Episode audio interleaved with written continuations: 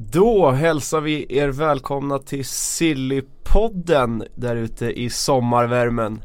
Eh, jag, Martin Tholén, Frida Fagerlund och eh, Kalle Karlsson låst in, låst in oss i en poddstudio så här mitt i sommaren. För att prata silly. Och det har ju hänt lite grejer nu på senaste dagar, framförallt i svensk intresse. Ja, det var väl på tiden också. Det är inte så lång tid kvar. I alla fall inte på Premier League-fönstret. Um, så att uh, det var väl ganska väntat att det skulle börja hända lite grejer nu. Men det, det är kul tycker jag. Och kul också med en svensk värvningsbomb. Nej, det var det ju inte riktigt men en jättesvensk värvning. Ja precis, för sen vi, sen vi pratade senast så har ju alltså Alisson blivit klar för Liverpool. Världens dyraste målvakt genom tiderna blir han med sina 760 miljoner någonting i den stilen. Och hans ersättare blir ju då Robin Olsen i Roma. Eh, hur bra är den här värvningen? För Romas? Alltså. Jag fick lite, lite gåshud nästan när du sa det sådär högt. Det är ju helt fantastiskt att eh, vi har en målvakt som eh, går till en klubb likt, eh, likt Roma. Och jag tror att även om det är stora skor att fylla med tanke på att Allison ses som en av världens bästa målvakter så tror jag säkert att Robin eh, kommer ta sig an uppgiften med bravur ändå. Han, eh, han har skallen liksom för det. Eh, han har lugnet och sådär. Jag tror inte att han kommer hetsa upp sig om Um, om det kommer ta ett tag att, att komma in i det sådär. Jag, jag tror att han är väldigt eh, säker i sig själv och jag menar eh, Monchi är ju den han är. Han hade inte värvat Robin om han inte hade trott att han skulle passa perfekt in i Roma så att nej spännande att följa den här utvecklingen och vilken, jag menar Serie A har ju seglat upp och eh, verkligen fått in, alltså ur svensk synpunkt för den svenska liksom eh, allmänheten så har ju verkligen Serie A blivit het. Ja precis. De har ju värvat mycket Roma också i sidan av Robin Olsson. Liksom. Hur bra håller vi dagens Roma? Spelade Champions League semifinal förra året. Ja, eh, det var väl lite överraskande att de gick så långt. Och nu får de återigen börja om från noll lite eftersom man släpper Alisson och Nangolan då. Och man kanske klarar av om man är Roma och tappa Pjanic ett år och sen tappa Mohamed Salah.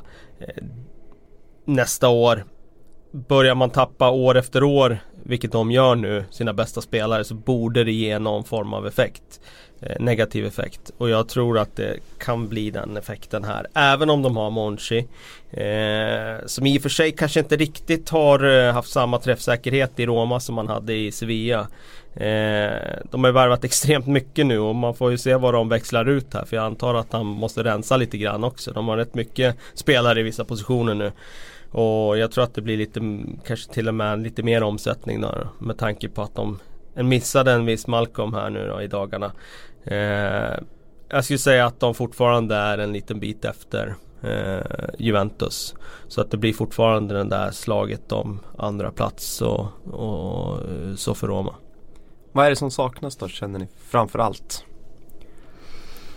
Eller Frida kanske tycker de är kompletta, jag vet inte. Nu la jag orden i munnen på dig men om du delar Kalles åsikt? Nej men problemet är väl snarare att Juventus är så långt före och med tanke på den här Cristiano-värvningen och sådär så kändes det som att de tog ännu ett kliv. Eh, samtidigt som då Napoli har tappat Sarri och eh, Jorginho och sådär och liksom håller på att bygga nytt lite grann och de har egentligen varit de största utmanarna ju till Juventus de, de senaste åren. Så det är väl snarare att Juventus har tagit ett kliv framåt kanske än att eh, liksom Roma har tagit ett jättekliv bakåt. Ehm, men eh, vi får väl se, bara för man värvar in Cristiano Ronaldo så, så är inte det någon garanti för en ligatiteln men det känns ju onekligen så med, med tanke på vilka spelare han har omkring sig också ju. Vad är det för Roma han kommer till Robin Olsson? Om vi tänker defensivt och organisationsmässigt. Det är ju Di Francesco heter han var tränare ja. sin andra säsong där. Alltså han var ju känd som en offensiv tränare när han var i Sassuolo. Det var många som var imponerade av, av hur de spelade och hur de Eh, ja, lyckades med, med, små resurser där. Eh, när han kommer till Roma så, så upplever jag att han har eh, övertygat som tränare. Alltså både offensivt och defensivt. Men jag tror att många, i alla fall jag som inte följer Serie A liksom, dagligen på det sättet så har man ju fortfarande på minnet hur han gick vilse på, på Anfield i våras när de mötte Liverpool. Och, av någon anledning lät Liverpool göra det som de är allra bäst på, att ställa om och, och de blev ju fullständigt mosade i den matchen. Eh, men normalt sett så är det ju en skicklig tränare framförallt på att organisera. Både försvarsmässigt och offensivt skulle jag säga. Så att eh, han, har, han kommer ju till ett lag med ett bra mittförsvar. Manona, Manolas och, och Fasio. Eh, släpper in väldigt få mål. Eh, näst minst i Serie A förra året. Så att eh, det finns ju liksom en plattform för, för Olsen att eh, komma in och göra, göra bra ifrån sig. Sen är det ju det där, det är ju det är tufft mentalt bara att gå från Köpenhamn till en, till en liksom stor klubb. Och det är inte alla som klarar av det där steget. Eh, jag tror precis som Frida är inne på att eh, personlighetsmässigt så har han ju rätt personlighet för att greja det. Han är väldigt lugn och eh, Eh, det är ju inte lika förlåtande miljö att, att göra misstag i, i Roma som det är i, i Köpenhamn. Så det gäller ju att man är mentalt stark.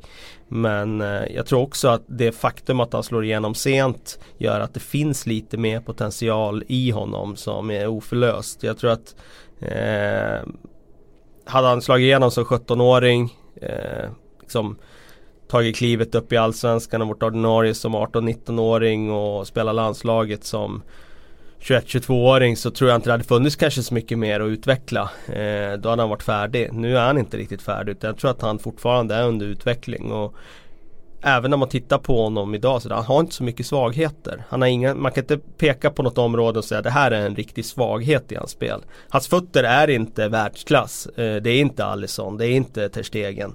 Men de är fortfarande stabila och de, jag tycker han har grundtekniken för att utveckla det spelet. Så jag tror att han kan göra det. Och gör han det då tror jag han har möjlighet att ta steget upp bland och vara seriös, bland, bland Serie allra bästa målvakter. Och då är han ju automatiskt en av Europas bästa målvakter. För Serie A är ju väldigt starka på målvaktssidan och har varit historiskt sett eh, kanske bästa ligan på målvaktssidan om man nu blir första målvakt som vi tror med Mirante och någon ung brasse där som jag inte ens lagt namnet på minnet. Vad, hur högt håller ni honom i Serie A? Är han redan nu alltså en av de bästa eller har han en bit upp till typ Handanovic? Buffon ja. har ju lämnat till exempel. Ja, Donnarumma är väl där uppe också mm. såklart. Eh, alltså, det det är svårt att säga riktigt var han står. För det går ju inte att bedöma Olsen med tanke på att vi inte har sett honom i en stor klubb. Jag har sett honom i ett VM men det är ju bara några veckor. Eh, så att vi får nog, eh, gör det nu ute och dividerar om det där och så får vi nog återkomma i höst. Jag tror att han är topp 7 kanske i Serie A när han kliver in. Eh, men sen att ta det där sista steget, det är ju det svåraste. Och vad ser ni för framtid för honom då? Ni har ju, nu har vi liksom kommit till Roma. Har han mer i sig? Har vi en Alisson övergång, kanske inte världsrekordman men till en av de här kanske ännu högre upp i klubbhierarkin eller vi ska kalla det.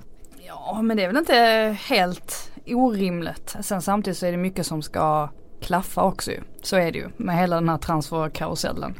Eh, och nu det här med att, att eh, Karius var så bedrövlig i slutet på säsongen så att det blir extra akut för Liverpool att få in en världsklassmålvakt. Alltså det är mycket som hänger, hänger samman. Eh, men jag tror absolut att Robin Olsen har eh, alltså är kapabel till att ta ännu ett nytt kliv och, och utvecklas då inom områden där han kanske inte är eh, bland de bästa. Ja men då, precis som vi sa, exempelvis med fötterna då. Så att, eh, nej, det ska bli mycket, mycket spännande att följa, följa honom eh, under de kommande åren. Ja, fint.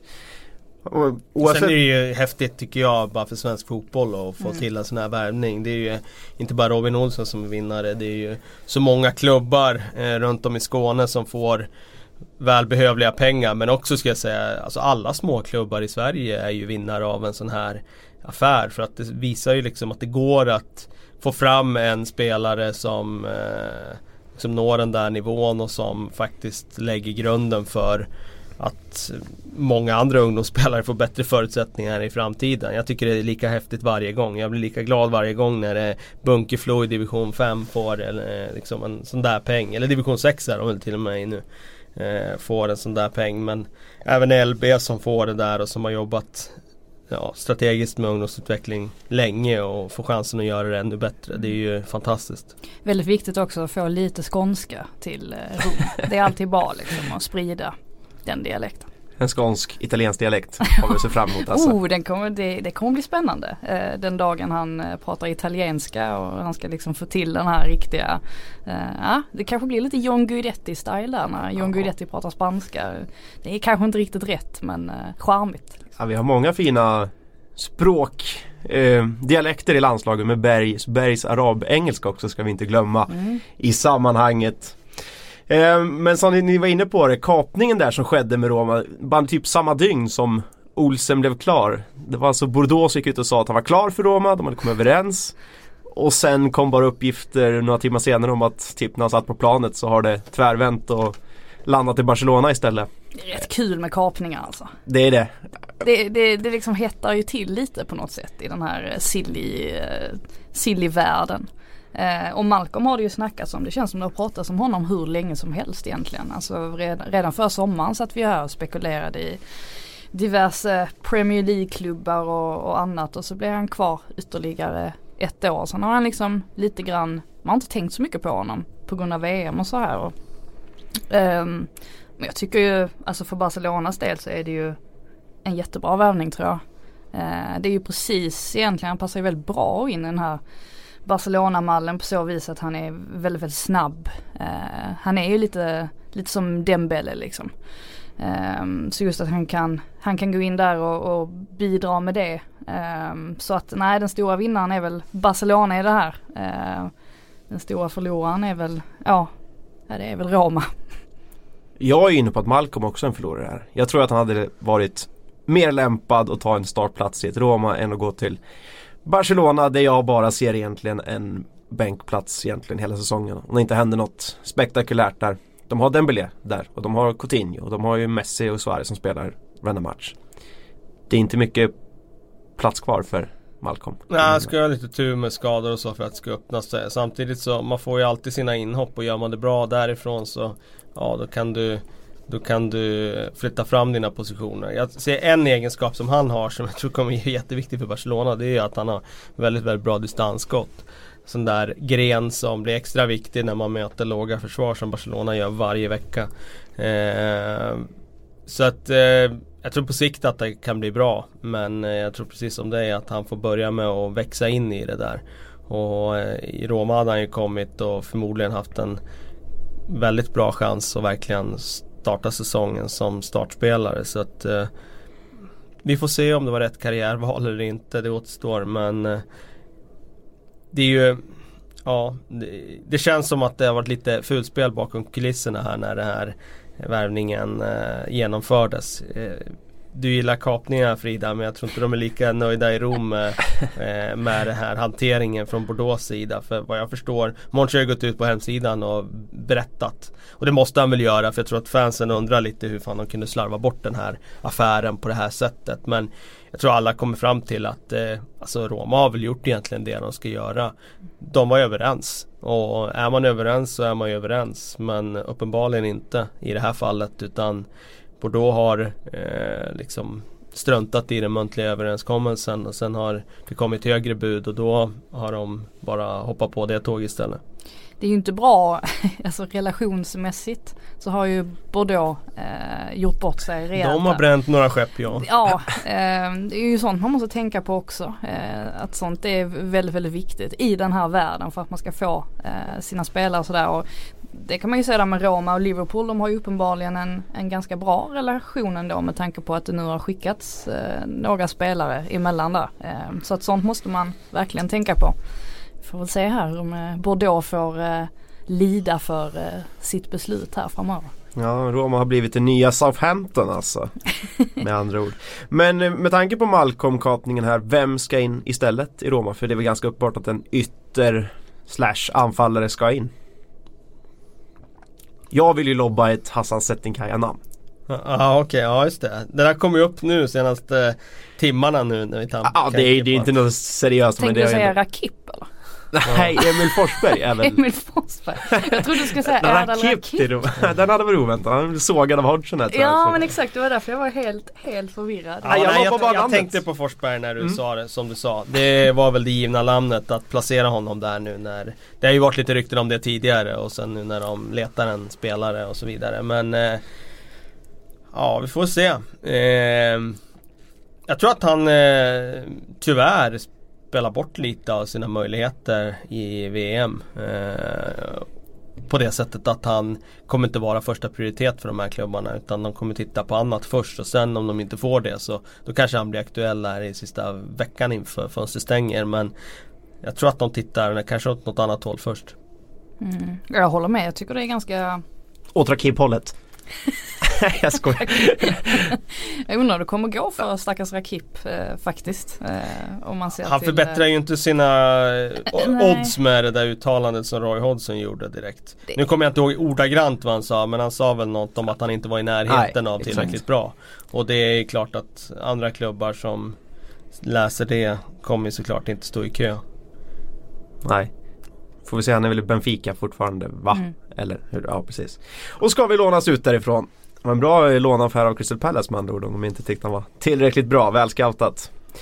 Eh, Men men, om vi ska släppa Roma för ett tag men ändå hålla oss kvar i Italien och Serie A så händer det ju ganska mycket i Milan just nu. Jag vet inte om det händer så mycket positivt men eh, det händer i alla fall grejer.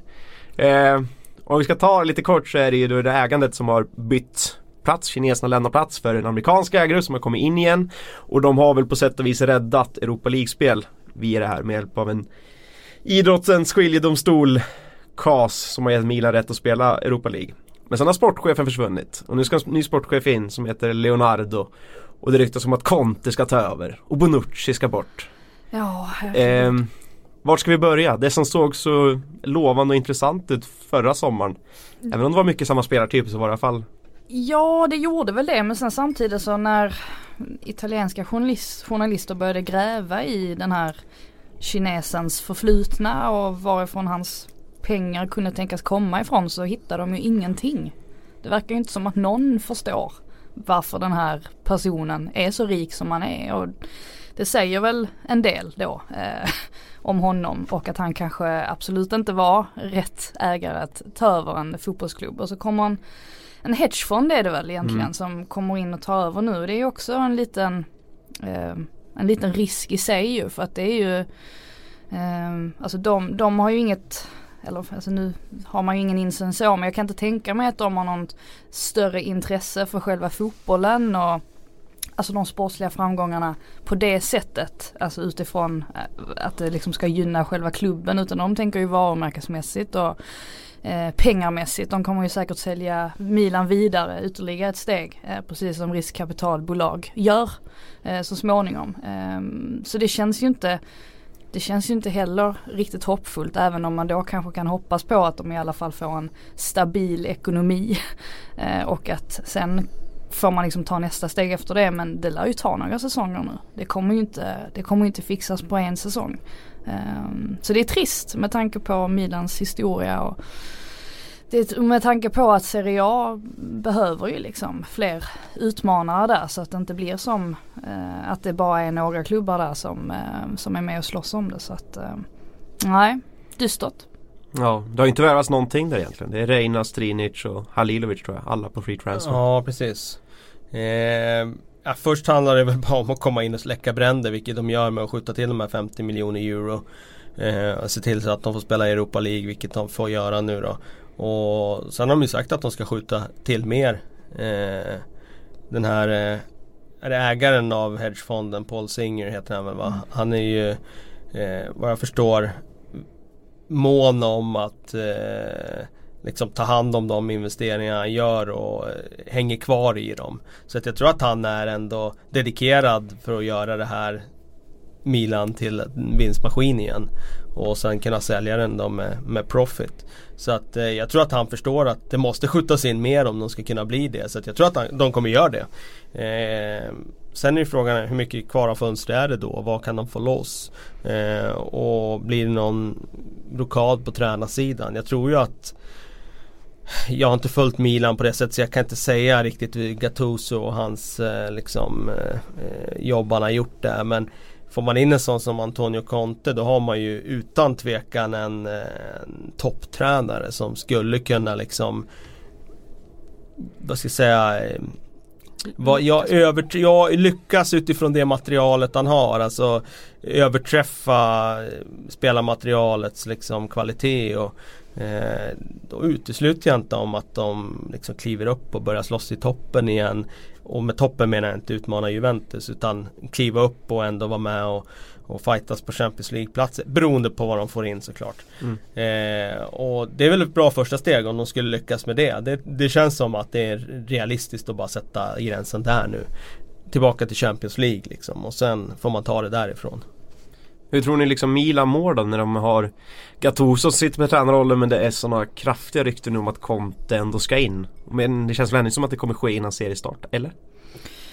Alltså jag tror ju precis vi säger, Conte, alltså just att han kommer in eh, kan nog eh, väcka lite självförtroende också i, i, spelarna. Ja du räknar in den redan alltså? Nej men om, om man kommer in så skulle det ju väcka, alltså det, det, skulle ju väcka någon form av, någon form av hopp ändå tror jag i, i spelarna. För det är ju ändå en, en välrenommerad tränare eh, som säkert kan locka en del namn också just för att det är han som, som står där. Ehm, så att eh, nej de, de får väl de får väl hoppas på det och jag menar han kan väl lika gärna hoppa in där och ta över, ska han gå arbetslös nu liksom ett, ett tag? Alltså det känns som att då kan han lika gärna ta ett år här i Milan. Eh, det är väl lite så han gör också. och hoppa runt lite. Eh, så när de får hoppas på det. Ja, jag får ju känslan av att Milan gör som alltid. Det kommer börja med Gattuso men Conte Målet kommer ligga där hela halva, första, första halva säsongen och sen i vinter så byter de redan för långt borta för att hinna upp en Champions League-plats och bli Europa League igen. Kan vara så. Men Bonucci till Juve då? Vad skulle en, det är också, Gattuso har gått ut och liksom officiellt förklarat att ja, han önskat en flytt härifrån. Inte uppenbart till Juve men han är beredd att lämna. Vad, vad skulle det betyda för det här som var tänkt att vara någonting nytt och Bonucci var den som skulle bli lagkapten och leda hela. Mm, ja det blev ju ingen bra eh, Det blev ju ingen bra signal ändå till Milan att han eh, Precis som vi säger att det blev, det blev värsta hysterin där kring den övergången och sen ska han liksom skeppas iväg igen bara ett år senare. Det har väl ryktats lite om England också. Mm. Vilket känns ganska otroligt med tanke på att hela anledningen till att han inte valde att gå utomlands för första början förra året var på grund av hans son väl. Exakt. Eh, att han inte ville lämna honom. Eh, eller dotter var det kanske. Ja, jag tror det var en son men ja. ja barn alla fall. Um, Nej det är väl klart att det är ett misslyckande för, för Milan om, om han lämnar direkt. Å andra sidan så varför har ni omotiverade spelare i, i laget också? Det, det, finns ju ingen anledning till det. Kan man lika gärna casha in lite. Ja, framförallt om man får in en sån där mittback som är på uppgång som är liksom kapabel att ta det där klivet ut och bli en riktigt bra försvarare för Bonucci ändå till åren och nu om de ska bygga på nytt. Men det gäller ju att identifiera det. Är det Caldara? Eh, det är vi inte säkra på, det vet vi inte. Eh, liksom skulle man kunna få loss Jeremina så tror jag liksom Nu finns det ingen som talar för att han skulle skriva på för dem men Det börjar ju ryktas om Jeremina nu i engelska toppklubbar för att Kanske inte har någon given plats i Barcelona bara rakt in. Och skulle man, alltså den typen av försvarare som är på väg att liksom slå igenom och ta det där klivet ut. Det tror jag, då behöver det inte vara någon, eh, någon katastrof att förlora Benucci, Det tror jag inte. Men eh, det är klart, om Bonucci har huvudet på plats och presterar på den nivån som han gjorde i Juventus. då är det klart att, att eh, det är en jäkligt bra pjäs att ha kvar. Sen behövs det väl in lite mer också för att det ska bli eh, ja, en, en utmanare eh, i toppen i alla fall. Mm. Det känns som att man skulle passa ypperligt in med Antonio Conte kanske också. Men i övrigt så snackas det inte så mycket om nyförvärv in. Jag sätter typ Higuain och Benzema faktiskt. Eh. Och Higuain framförallt har det snackats om. Va? Exakt. Är det vad Milan behöver en, så ny anfallare? De köpte Silva för dyra pengar, de köpte Kalinic för dyra pengar. Nu ska de in ytterligare en. Men det känner sitt, sitt eget sommarfönster med förra sommaren med andra Ja men säg så här då alla klubbar vill ha en, en forward som gör plus 20, 20 mål. Och det gör ju Higuain, garanterat. Han kör förmodligen plus 25. Mm. Ja, då, då eh, automatiskt så om du har, sätter defensiven och har en forward som gör plus 25 mål, ja men då kommer du vara uppe i toppen. Så att jag skulle säga att eh, på svaret på din fråga är ju ja, varför inte få in den där målgarantin? Då har man ju automatiskt gett sig själva jäkla bra chans att, kliva uppåt i, upp mot den där topp fyran. Så jag säger gärna Higuain in. Benzema lite mer tveksam. Hellre Higuain. Någonting annat ni eftersöker i Milans trupp som saknas idag? Ja, men jag tycker vi har, vi har lagt ut det här bra. Milan ska buda på Jeremina och eh, Iguain liksom. Och vi kommit en bra bit på vägen. Leonardo Och, Fagerlund. och Conte in. Och Conti, ja just det. Ja. Mm. ja, då har vi det klart. Ehm, vi ska flytta oss till Premier League ett tag. Eh, till Frida, Fridas eh, favoritsegment den här eh, dagen kan jag garantera. Han Oj. stavas Harry Maguire Yes! och. Manchester United.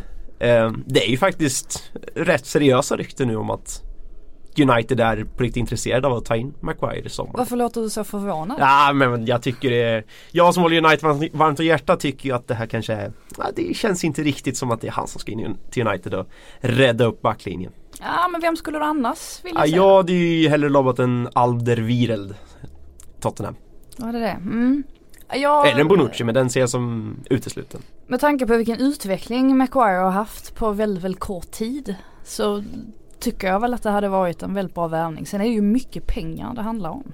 Det alltså är väl över inga- 700 miljoner tror jag Ja, det är inga små summor.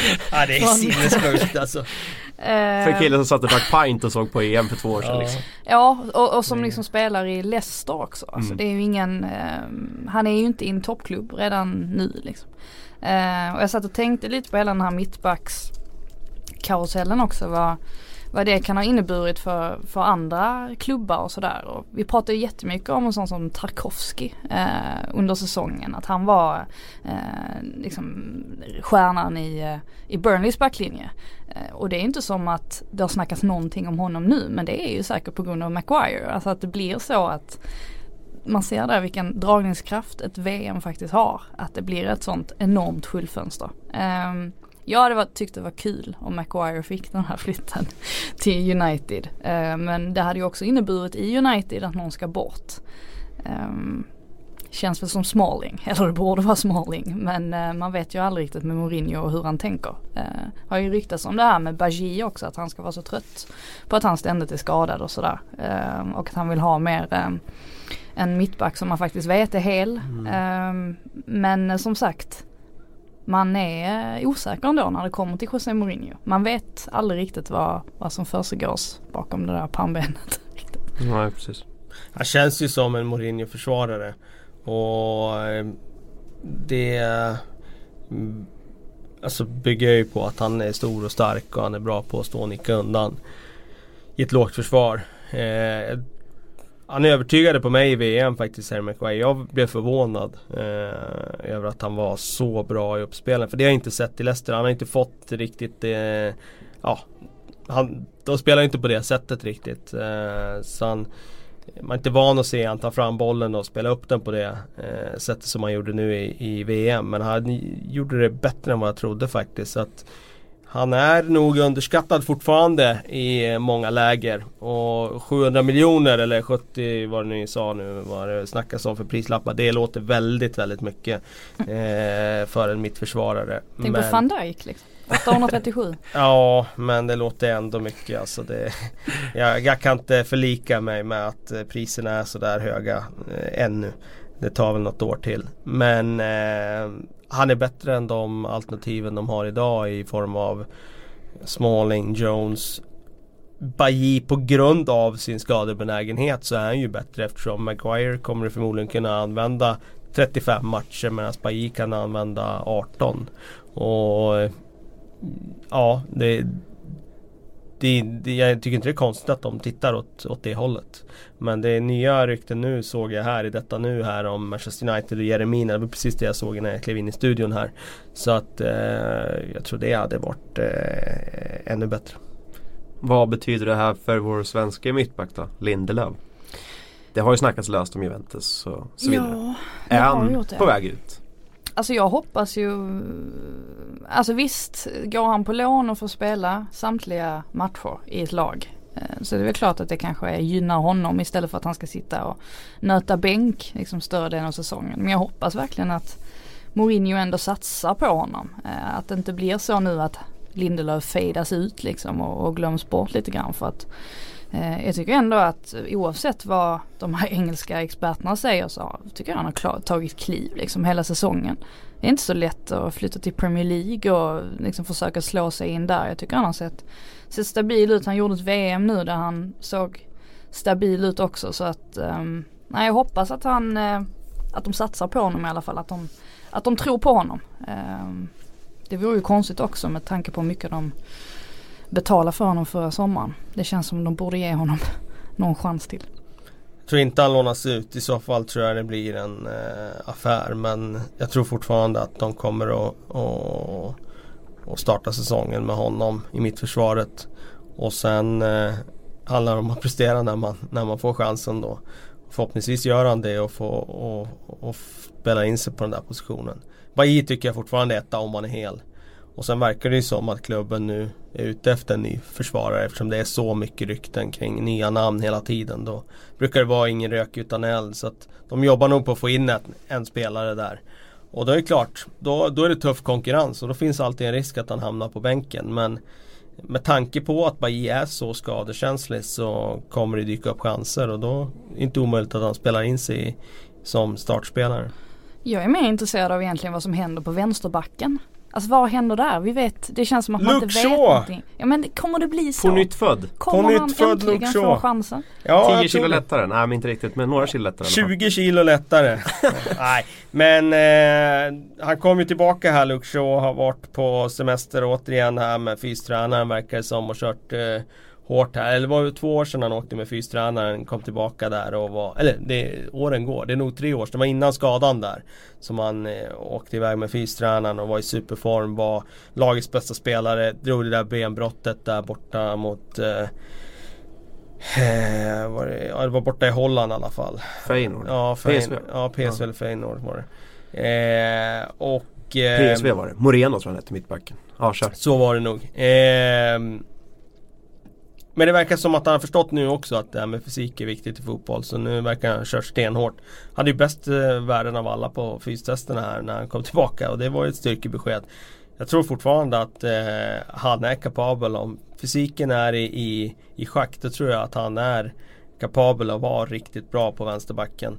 Så har de ju Young som, som är liksom ändå användbar och spelar ändå från start i England här nu i, i VM i den positionen. Så jag tror att de löser den där. Jag tycker den där positionen har varit ett eh, problem i många år. Men eh, uppenbarligen verkar de ju Ja, de, de har ju ändå två alternativ där som är Som man inser är fullgoda om de bara är i, Om bara Luxor hittar formen och då Då står de inte med någon akilleshäl där längre. Mm. Okej, okay, då har vi, vi löst vänsterback. Känner du dig lugn? Men vad Martial då? Ja, det är ju Det är ju den eviga frågan. Platsen till vänster är ju överbefylld så du bara mm. sjunger om det. Eh, för hans eget bästa borde han ju lämna men Han vill ju jag, lämna, det är ju uppenbart. Ja. Eh, annars hade han ju gått ut och sagt att han eh, att han vill vara kvar och kämpa liksom. Annars finns det ingen anledning för honom att, att vara tyst i det här läget. Utan han vill ju lämna såklart och jag tror att han känner att eh, han får ju inte ut det han skulle kunna få ut under en annan tränare. Eh, för hans egen del så, ja, borde han lämna. Samtidigt så tror jag inte att de är så sugna på att släppa honom. För att det är ingen klubb som kommer att betala det som de själva värderar honom till. Med tanke på att han inte var startspelare varje match i fjol. Och det finns ju fortfarande den där eh, känslan av att han skulle kunna explodera. Bara mm. han fick chansen. Alltså, det finns ju uh, oändligt mycket potential. Samtidigt tror jag att han kommer bli det första offret för den nya Premier League-fönsterregeln att det är framflyttat nu till seriestart och att United kommer ha så pass många spelare borta på landslagsuppdrag så att han, eller inte på landslagsuppdrag men på semester, tillbaka från semester efter VM så att han kommer vara en startspelare de första matcherna och då är inte Mourinho beredd att släppa honom. Det är min mm, känsla. Kanske blir en januari Det är möjligt, det är nog snarare så. Hade, hade jag varit uppe till 31 augusti då tror jag nog att han kanske kunde ha försvunnit de sista dagarna till ett Italien eller kanske tillbaka till Monaco på något lån eller något sånt. Det snackas mycket om Juventus va? Gör mm. inte det? Precis. Så den är ju Spurs hugger lite grann. Jag tror Spurs tänker nog i sin värld att de skulle vilja få han för ett cut-pris liksom. Mm. Alltså ett fint pris här eh, för att han är, blir överflödig och Levi är ju smart i det där läget. Han skulle ju säkert kunna köpa han billigt.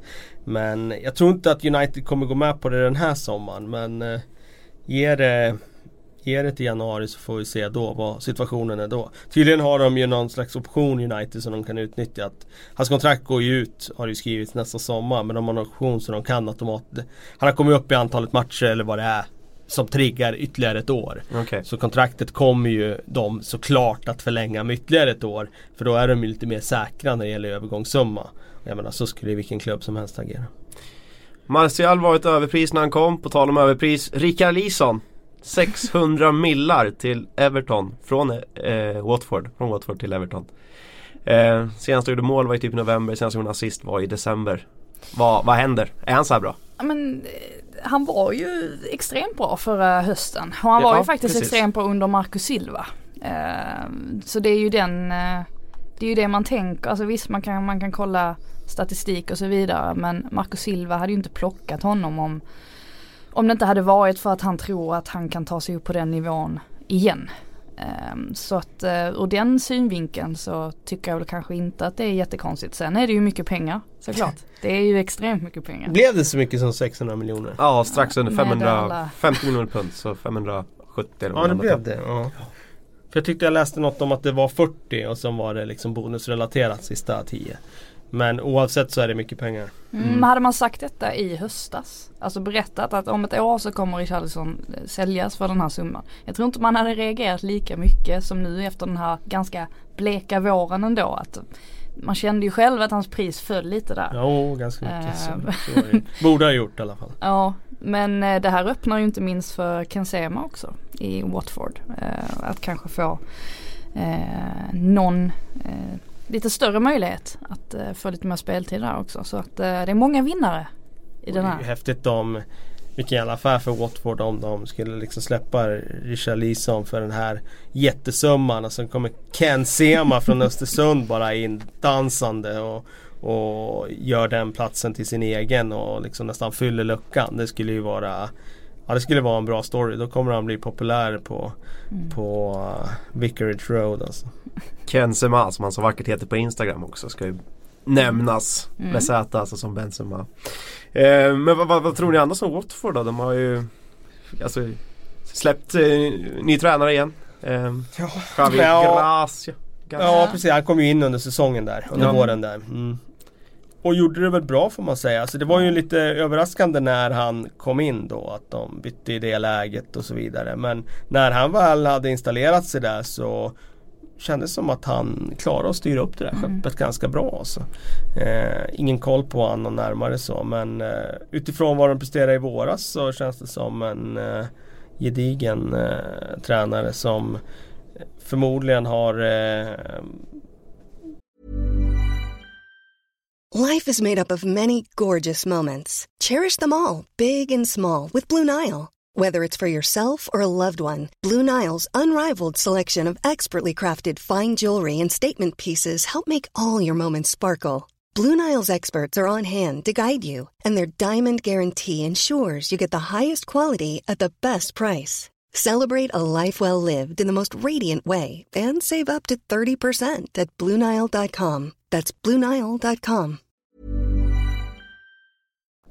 Väldigt bra eh, så här, vad ska jag säga, nydanande idéer och ligger mm. i framkant när det gäller eh, eh, ja, det mesta kommer ju därifrån Portugal när det gäller nya eller Iberiska halvön i alla fall när det gäller de nya trenderna och så. Så att jag tror att han är med där det som känns skönt för både Semas del och inte minst Pontus Dahlberg också. Det är ju att Watford känns ganska stabil ändå som klubb. Det känns inte som att Det känns som att det är ambitioner. Eh, det känns som att det är pengar också nu, nu efter den här Richarlison eh, försäljningen.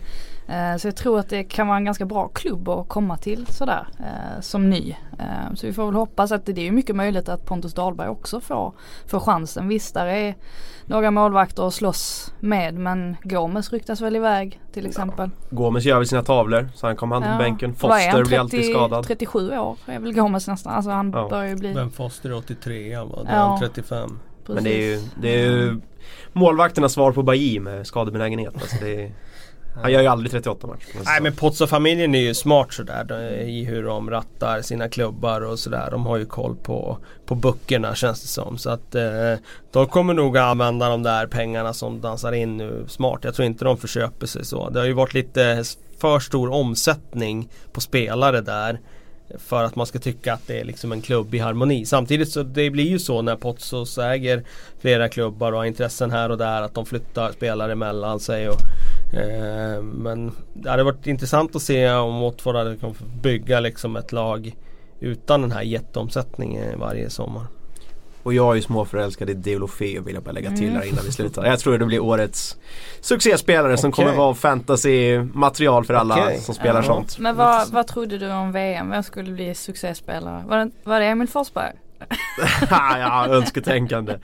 Jag sa Betancourt tror jag sa tidigt men det gick inte heller så bra så jag vet inte. Jag har ju ingen koll alls. Jag bara sitter och låtsas ha koll. Vem sa jag skulle bli VMs kung? Eden Hazard. Eden Hazard. Ja, men det... Fick du väl eh, det får du rätt för. En granbock. Vi, eh, om vi fortsätter Premier League-spåret och nedre halvan eh, så har vi, så i alla fall jag slagits av nykomlingarnas kraft så här långt på mm. sommarfönstret. Vi har sett Wolves som har värvat namn som Joao Moutinho, eh, Raúl Jiménez, Rui Patricio. Mm. Visserligen med mycket hjälp från en Jorge Mendes eh, och Fulham som har tagit in Seri och nu senast Schürrle som sägs läkarundersökas typ i detta nu. Vad, vad är det som sker?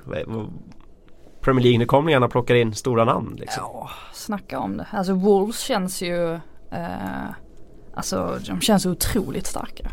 Eh, och det är inte bara det att de har plockat in en massa nya spelare utan de har ju även lyckats eh, alltså lösa spelare som har varit där alltså nu någon säsong som Ruben Neves och Jota och sådär. Ehm, nej, det, det är nästan så att man börjar tänka att Alltså för mig så, så är ju Topp fyra! Nej jag gör inte om det misstaget som jag gjorde med Everton förra året. Nej men det är nästan som man börjar tänka liksom att alltså de, är ju, de kommer ju absolut inte vara med i någon bottenstrid. Jag kan inte, jag kan inte se det framför mig överhuvudtaget. De kommer ju snarare ligga där precis under. Uh, ja men typ ett uh, vad ska man säga, precis som Burnley. Alltså ligga där och, och nosa lite. Det tror jag definitivt. Det vore märkligt annars. Eh, med tanke på att Espirito Santo har varit där också nu. Eh, alltså det, han är inte ny liksom utan han, han känner de här spelarna och de måste prata portugisiska på träningarna. Måste ja intressant det där. Det är inte många från de brittiska öarna kvar där heller. Nej, ja men exakt så att eh, nej de, de, de, de känns otroligt, otroligt starka och Fulham också. vad händer där liksom? plockar ju in den, alltså Seri tyckte jag ju var, det var ju en jättebomb ändå att han gick dit där. Sen har jag hört nu under, sett under försäsongsmatcherna att han kanske inte har levererat så jättebra. så att eh, Fulham-supportrarna börjar bli lite oroliga att det är en alibi-spelare. det var fel Seri som kom, det var hans kusin, det kanske är en sån story. eh, nej men Men vi får väl se. Men är det inte en risk, eh, nu är jag djävulens advokat här när det gäller Fulham och deras värvningar Men är det inte en risk med en sån senseri att eh, mycket rykten år efter år blir kvar i Frankrike och sen när han väl kommer att det fanns en anledning till att ingen liksom löste honom. Att det var bara rykten, de var där och tittade och det blev aldrig någon affär för att si eller så liksom. Och så kommer han och så är han inte så bra. Det har hänt förr i alla fall. Mm. Så mycket kan vi säga jag hoppas ju såklart eh, att charmiga Fulham har gjort ett kap här för man vill ju åka till Craven Cottage och gå den där mm. fina promenaden längs eh, floden och, och sätta sig där på träbänkarna och, och kolla på på lite så här småtrevlig fotboll som de ofta bjöd på back in the days. Så att eh, Förhoppningsvis så, så varvar han upp men ja, ja, ja det, det, är ett statement själva värmningen, det håller jag med om. Eh, men jag är inte säker på att han är en sån som erövrar världen. Nej, men om vi ska prata om nykomlingarna i stort, är det den liksom starkaste nykomlingsupplagan vi har sett i modern tid? Vi har liksom en världsmästare från 2014 i Schürrle, vi har EM-guldmedaljörer från 2016 med Rui Patricio och så vidare att de är där och norpar de spelarna liksom. Ja för att alltså om man tänker på förra året när, när Newcastle tog klivet upp som ändå är den, alltså den storklubben de är på så sätt att de har lång historia sådär och de hade Benitez som tränare. De hade ju inte någon trupp egentligen som skulle vara med och, eh, eller vi trodde ju inte att de ens kunde konkurrera egentligen med, med majoriteten av klubbarna i Premier League. Och nu kommer det upp liksom en klubb som Eh, som tvärtom alltså har en jätteslagkraftig trupp. Alltså jag, Eh, jag kan inte minnas senast en trupp såg så här eh, stark ut. Det kan jag inte. Nej det är nog Newcastle om vi går tillbaka ett antal år när de åkte ner och hade sådana spelare som Coloccini och sådana i, i Championship. Och ganska enkelt dansade upp igen. Eh, men det är, det är några år tillbaka vi får gå då. Eh, och nu eh, har vi en klubb som har den här köpkraften också och som har den här eh, energin som man alltid har i nysatsningar där man tror på ja, eh, Living the dream som Peter Ridsdale, den gamla legendariska Leeds eh, eh bossen sa när de eh, också levde drömmen och förköpte sig och eh, köpte sig hela vägen ner i, i helvetet. Men just nu är ju Wolverhampton en sån klubb där man tror inte man ser några begränsningar liksom med det som sker där liksom. Och jag tror att ja, det är nog den starkaste nykomlingen som kom upp på, på bra länge i alla fall.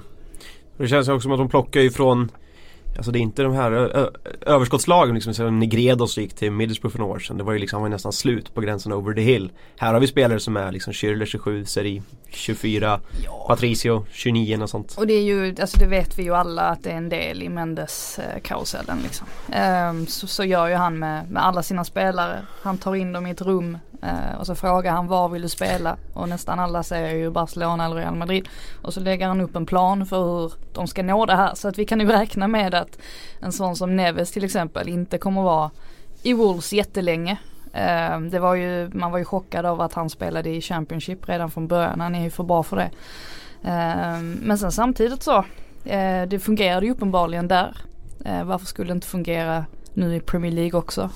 att ha det Eh, mindsetet. Sen är det klart, det är kanske inte alla som tycker att det är helt, eh, vad ska man säga, att det, det är ett speciellt snyggt spel eh, från, eh, från Wolves sida eller från Mendes sida. Men eh, de har ju utrett honom också och sådär. Eh, FA de, eh, det verkar ju som att han, ja det verkar ju fit som att and han proper eh, test. ja men det verkar ju som att han inte, att, att det ska vara okej okay, det han sysslar med. Med tanke på vilka, vilka som har dansat in i den där ligan genom åren undrar man hur, vilka frågor de får i det där fit and proper test liksom. Hur ofta tränar du i veckan? vad ser du för söndagsfilm liksom? svarar de rätt där så får de komma in i i ägargemenskapen. Men eh, Schürrle då, vad tror vi där? Alltså känns inte det som en, eh, en sån, sån, spelare som eh, ja, var het ett tag mm. eh, men har liksom börjat dippa? Jag håller med. Det enda jag känner är väl vart ska han liksom spela? Jag tycker han är så otroligt mycket bättre till vänster än vad han är till höger och till vänster ska ju Sessignon spela liksom i en ytterroll. Jag kan inte tänka mig att han har Sessignon som vänsterback. Jag tycker inte det är rätt för honom heller kanske. Eh, så där är väl jag lite tveksam. Men kan han spela till höger eller som någon slags anfallare så visst. Men de vill nog ha en starkare target där uppe.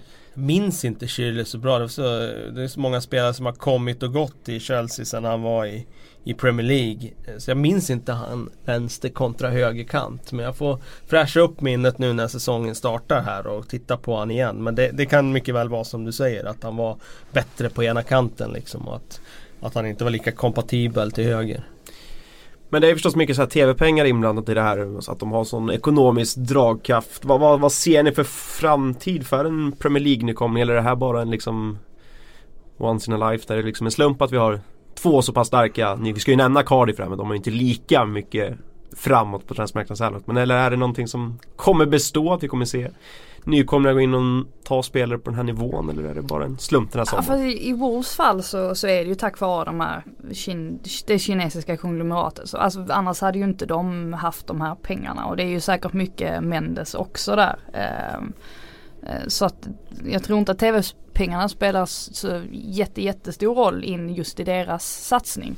Eh, men det är väl klart att eh, Just det här, men jag tror också det här med tv-pengarna att de är ju, även om de inte är helt jämnt fördelade klubbarna emellan, så är de ändå hyfsat jämnt och det är ju det är egentligen det som gör att Premier League tror jag kan fortsätta vara så eh, så pass jämn ändå som det är. Det är klart att det är vissa storklubbar som, som liksom tillhör de här topp 6 och topp 5 men, um, men det är ju bra för själva ligans del att de lite mindre klubbarna också kan vara med och, och, och plocka in spelare. Annars har det ju blivit för stort stort gap liksom mellan eh, Annars har vi ju fått en liten La Liga kanske där med eh, några klubbar som är så mycket större än alla andra. Så att på det sättet så är det ju positivt också med, med de här tv-pengarna. Men det är klart att det är, det är ju hiskeliga summor det handlar om ju. Alltså så är det ju. Vi hade ju en nykomling senast i fjol som klev upp utan att göra de där stora värvningarna. Mm. Huddersfield som och Brighton också för den delen. Visst de gjorde, de slog sitt eget transferrekord men det var ju inte några sådana här supervärvningar som man tappade andan av. Och jag kan ju se framför mig att nykomlingar kommer komma upp och spänna bågen ganska hårt för att bara etablera sig eftersom det här tv-avtalet är så lukrativt.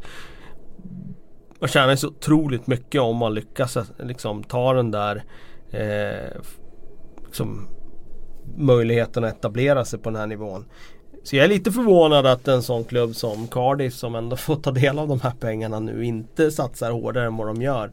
Samtidigt så eh, Ja, det, de har säkert ekonomiskt sitt och räknat på vad de har råd med och vad som är lämpligt och vad som är vettigt. Och har de kommit fram till att, eh, att de inte ska gå in hårdare än vad de gjort hittills. De har alltså värvat Josh Murphy, Greg Cunningham, eh, Alex Smithis och Bobby Reed från klubbar som Norwich, Preston, QPR och Bristol City. Det är lite det, lägre profil. Ja, det är lite lägre profil i Cardiff och det, det förvånar mig, det måste jag mm. säga.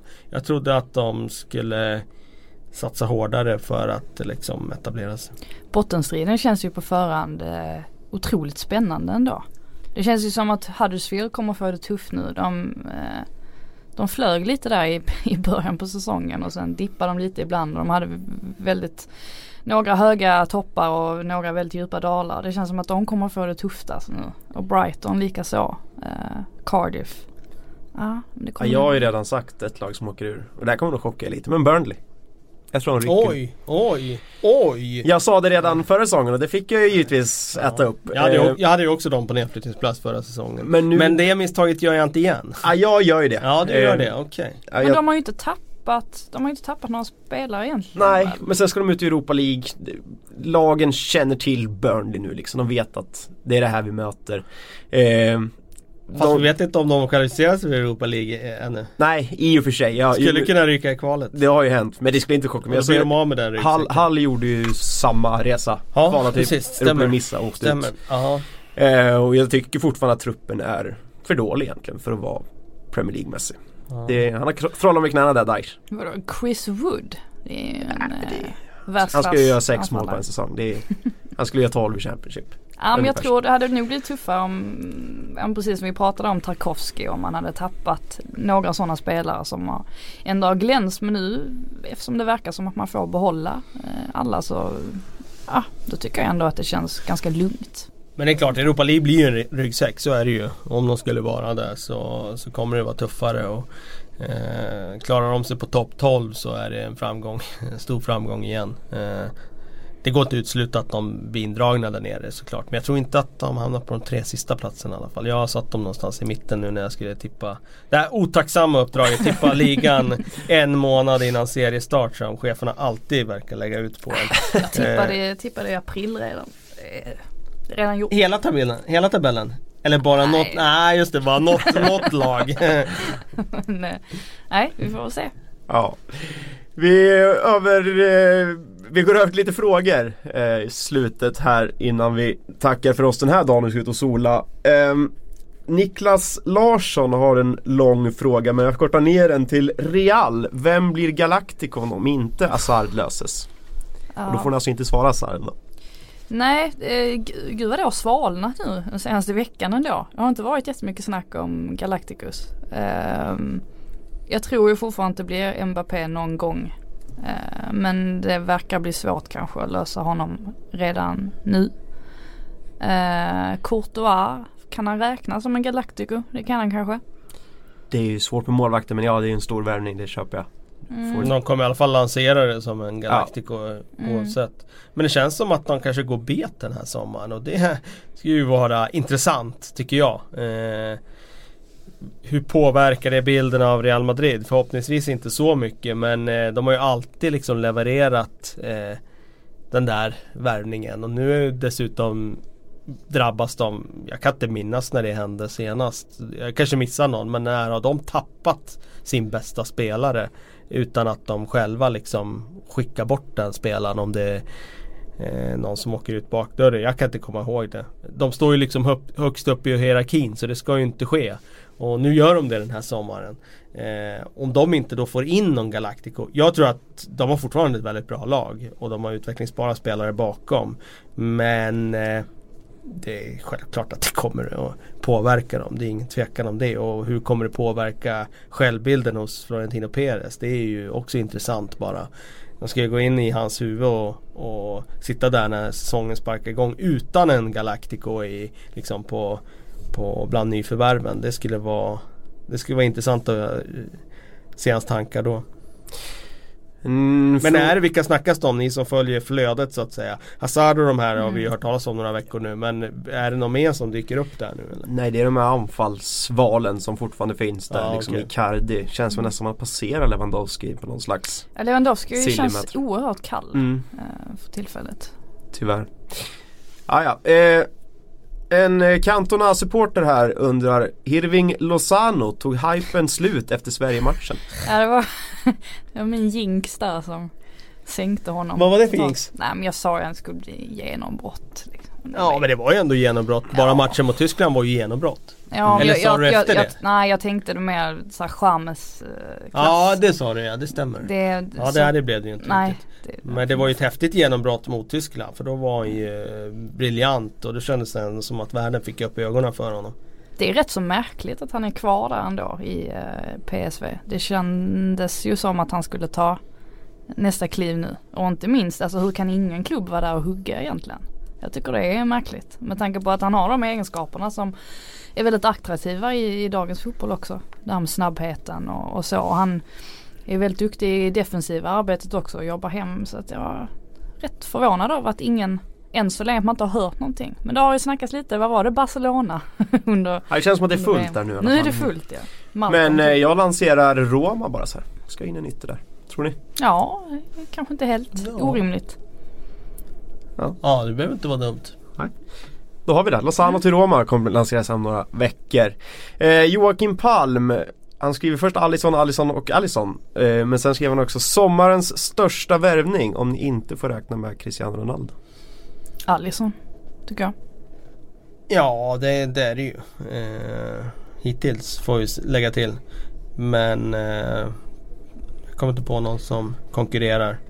Det är ju häftigt tycker jag att, eh, att en målvakt kostar så mycket. Man kan se det som att det är förskräckligt att han kostar så mycket.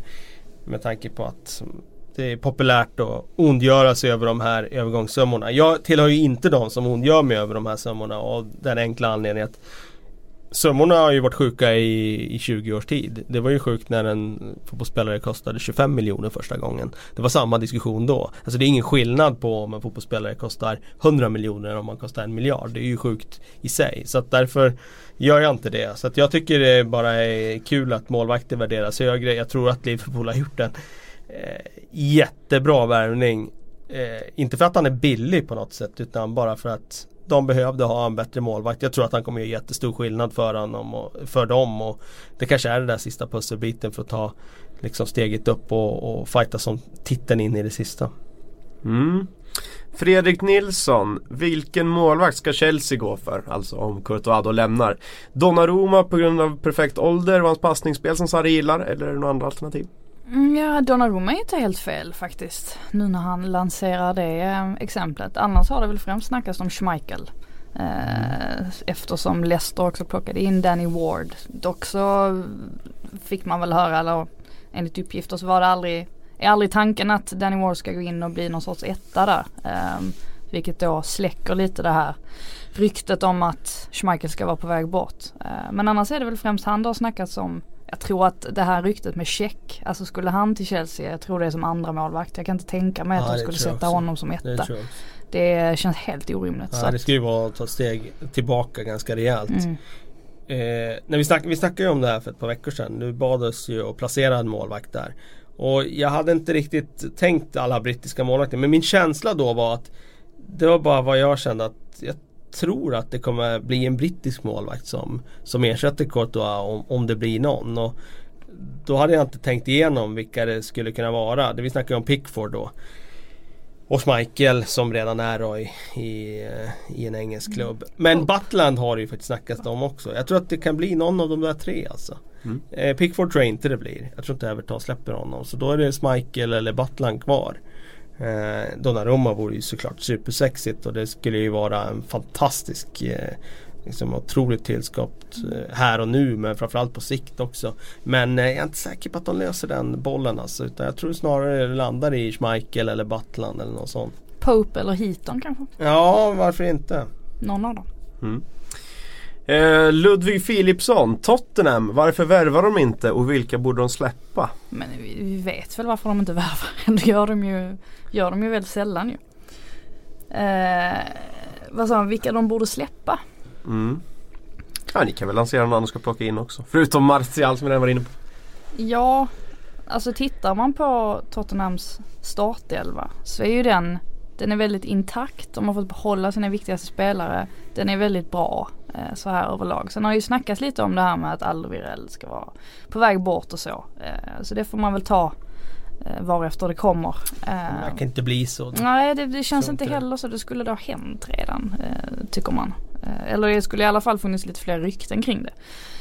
Eh, d- Tottenhams största problem är väl snarare att de kanske inte har eh, backups på varenda position som det ju krävs ganska mycket nu mera i dagens fotboll med tanke på alla matcher och alla kupper och, och sådär. Ehm, och jag tycker väl också att de har haft lite, lite oflyt där med sina eh, potentiella backuper till eh, Harry Kane som väl inte har fallit riktigt väl ut med Jansen där som lyfte aldrig riktigt och Jorente har väl inte varit någon större eh, flipp heller. Eh, så att jag tycker väl de först och främst kanske skulle hitta något litet guldkorn som kan tänka sig att vara bakom Harry Kane och sitta och, och, och utvecklas på det sättet eh, i så fall. Eh, i övrigt så känns det ändå som att det är ganska intakt. Lozano. Lozano, ja där kom den. Mm, ja varför? Placerar ni i alla lag? Ja. Nej jag skojar bara. Jag, jag tror inte de kommer värva honom. Eh, det snack om att Guedes eh, Valencia Det vore en Guedes fin eh, Att han eh, kan vara på glid därifrån. Eh, Föga överraskande. Jag tycker han har eh, varit väldigt väldigt bra när jag sett honom i La Liga förra säsongen. Mm. Eh, att de har fått något bud accepterat från en Premier League-klubb. Eh, men den typen av spelare hade ju varit jäkligt eh, sexy att ha i hela den där eh, uppsättningen där med Eriksen, Ali och Kane.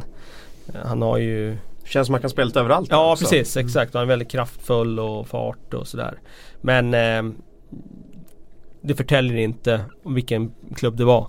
Och det verkar som att spelaren själv vill stanna kvar i Valencia så vi får se vad, hur det blir med det.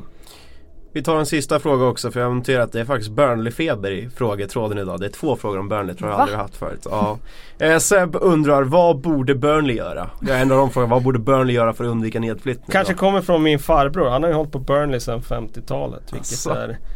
Han slagit volte förra året när det blev. Eh, ja, han har, han varit jäkligt nöjd under senaste året här. Vad hände, vad hände under 50-talet då? Eller varför börjar man hålla på dem? Ja, det, jag frågade ju honom om det. Eh, han sa ju att... Eh, eller vänta, 60-tal måste det vara. Det var typ 60 början 60-talet va?